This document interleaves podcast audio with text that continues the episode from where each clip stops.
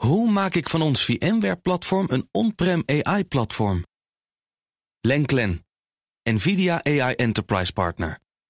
Lenklen, betrokken expertise, gedreven innovaties. Tech Update. En Mats Akkerman is bij ons. Hey Mats. Goedemiddag. Het uh, aantal mensen dat onder de armoedegrens leeft en toegang heeft tot mobiel internet is in zeven jaar tijd verdubbeld. Ja, wereldwijd hebben we het dan over en dan gaat het om de 40% armste per land. Nou, daarvan is het aantal met mobiel internet sinds 2015 verdubbeld van 560 miljoen naar 1,2 miljard. Dus best fors. Staat in een rapport van de GSM Association, een wereldwijde koepelorganisatie van mobiele providers. En dat onderzoeken ze dan om te kijken naar de voortgang van de Sustainable Development Goals van de Verenigde Naties. Mhm. Want een van die doelen is dus toegang tot internet voor iedereen op de wereld. Nou, voor veel van deze onderzochten is dat mobiele internet ook vaak de enige vorm van beschikbaar internet, omdat ze meestal geen computer hebben. En het mobiele bereik is ook een stuk groter geworden in zeven jaar tijd. Want in 2015 waren er nog 1,4 miljard mensen die woonden op plekken zonder bereik. En nu zijn dat er nog maar 400 miljoen. Dus dat is in zeven jaar tijd met een miljard afgenomen.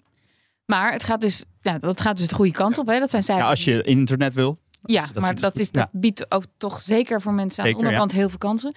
Maar er zijn wereldwijd, snap ik uit jouw cijfers, dus nog steeds heel veel mensen zonder internet. Ja, echt heel veel. Volgens dit onderzoek zijn er nog 3,2 miljard mensen zonder mobiel internet. Nou, laat dat maar even op je Ja, inwerken. dat is Met hoeveel zijn we ook alweer, Mats? Ja, Ja, de, verwachting is eind dit jaar dat we de 8 miljard gaan aantikken. Oh. maar dan zit je dus op 40% van de wereldbevolking die nog steeds geen internet heeft. En er zijn dan natuurlijk verschillende redenen voor. Allereerst natuurlijk dat ze het vaak niet kunnen betalen of dat ze de kennis niet hebben. En dan is er ook natuurlijk nog een deel dat het gewoon niet wil. Hè. Dan kun je denken aan zo'n Amish-stam in Amerika die gewoon lekker denken wij gaan lekker eh, tarwe verbouwen Ja. en we vinden het allemaal wel prima zo. Maar, Maar ja, 40% van de wereld dus nog geen mobiel internet. maar die Amish-gemeenschappen en andere aanverwante eh, volken, dat is toch nog maar een heel Nee, klein het is- deel. Dat, is Ja. even, eh, Ja. dat, dat tikt niet zo aan inderdaad. Het zal ook een heel groot deel zijn dat wel toegang wil, maar dat gewoon simpelweg Ja. niet heeft. Omdat ze echt in hele grote armoede leven. En dan moeten we het hebben over spoofing, want vorig jaar werd er voor een kwart miljard euro gestolen. Ja. Spoofing, Mats. Spoofing, ja. Ooit gespoefd? Ben of heb? Oh, Martijn gaat... eh, maar Nee, ja, de, eh, Nou, de- het ja, is dus sorry. dat iemand zich als iemand anders voordoet en eh, zo toegang krijgt tot jouw bankrekening en dus je geld. Nou, daarmee werd in 2021 werden 100.000 mensen opgelicht in Nederland volgens het CBS. En daarmee werd in totaal 261 miljoen euro buitgemaakt. Nou, omgerekend is dat zo'n 2700 euro ja, per slachtoffer. aan, ja. Ja, precies. Dus eh, niet, niet fijn. En de meest voorkomende vorm is nog steeds dat criminelen zich voordoen als een bankmedewerker. En dan zie je dan geld laten overmaken. Daarmee werd 94 miljoen euro opgehaald.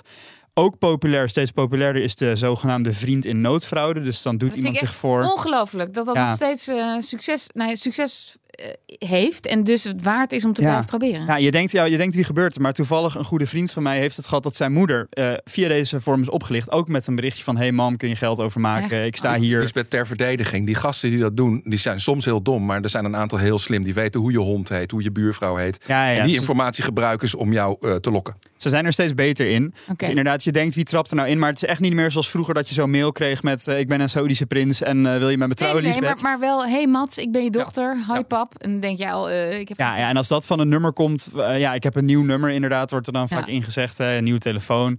Altijd dubbelchecken eh, als dat gebeurt. Want er worden dus gemiddeld 2000 euro per slachtoffer ook via deze vorm overgemaakt.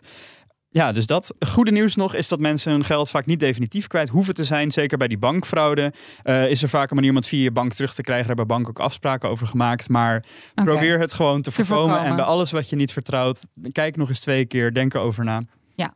En dan nog een opvallend wetenschappelijk onderzoek. Ja, perfect. Want wetenschapsredacteur Carlijn wou net komt zeggen, binnenlopen. Dus die kan hem perfect In de meeluisteren. tijd van Carlijn. heel benieuwd. Gaat om mensen die tijdens een operatie een virtual reality bril droegen. eh, die dan ontspannende beelden laten zien. En die mensen hebben vervolgens minder verdoving nodig. Aha. Blijkt uit een onderzoek in een ziekenhuis in Boston. En ze vergeleken twee groepen. Dus die ene groep kreeg zo'n virtual reality bril met ontspannende beelden. Bijvoorbeeld vredig landschap of begeleide meditatieoefeningen. Eh, ja, of iets anders waar je ontspannen van zou worden. Ja, noem het, ik weet niet waar je ontspannen van wordt. Maar die andere groep die kreeg in ieder geval geen bril. En dat konden ze dus vergelijken. Nou, de groep met bril die gebruikte gemiddeld 125 milligram verdovend middel per uur. En die andere groep wel 750 Oké. milligram. Dus dat is eh, meer dan vijf keer Ja. zoveel. Dat is behoorlijk wat. Eh, en ze gingen ook nog sneller het ziekenhuis uit de groep met bril. Die gingen al na 63 minuten na de operatie weg. En die andere na 75 minuten. Het voorbeeld dat ze hier gebruikten was trouwens een handoperatie om het te testen. Maar omdat dit zo'n succes was, willen ze het nu op meer verschillende manieren eh, verder gaan uitproberen.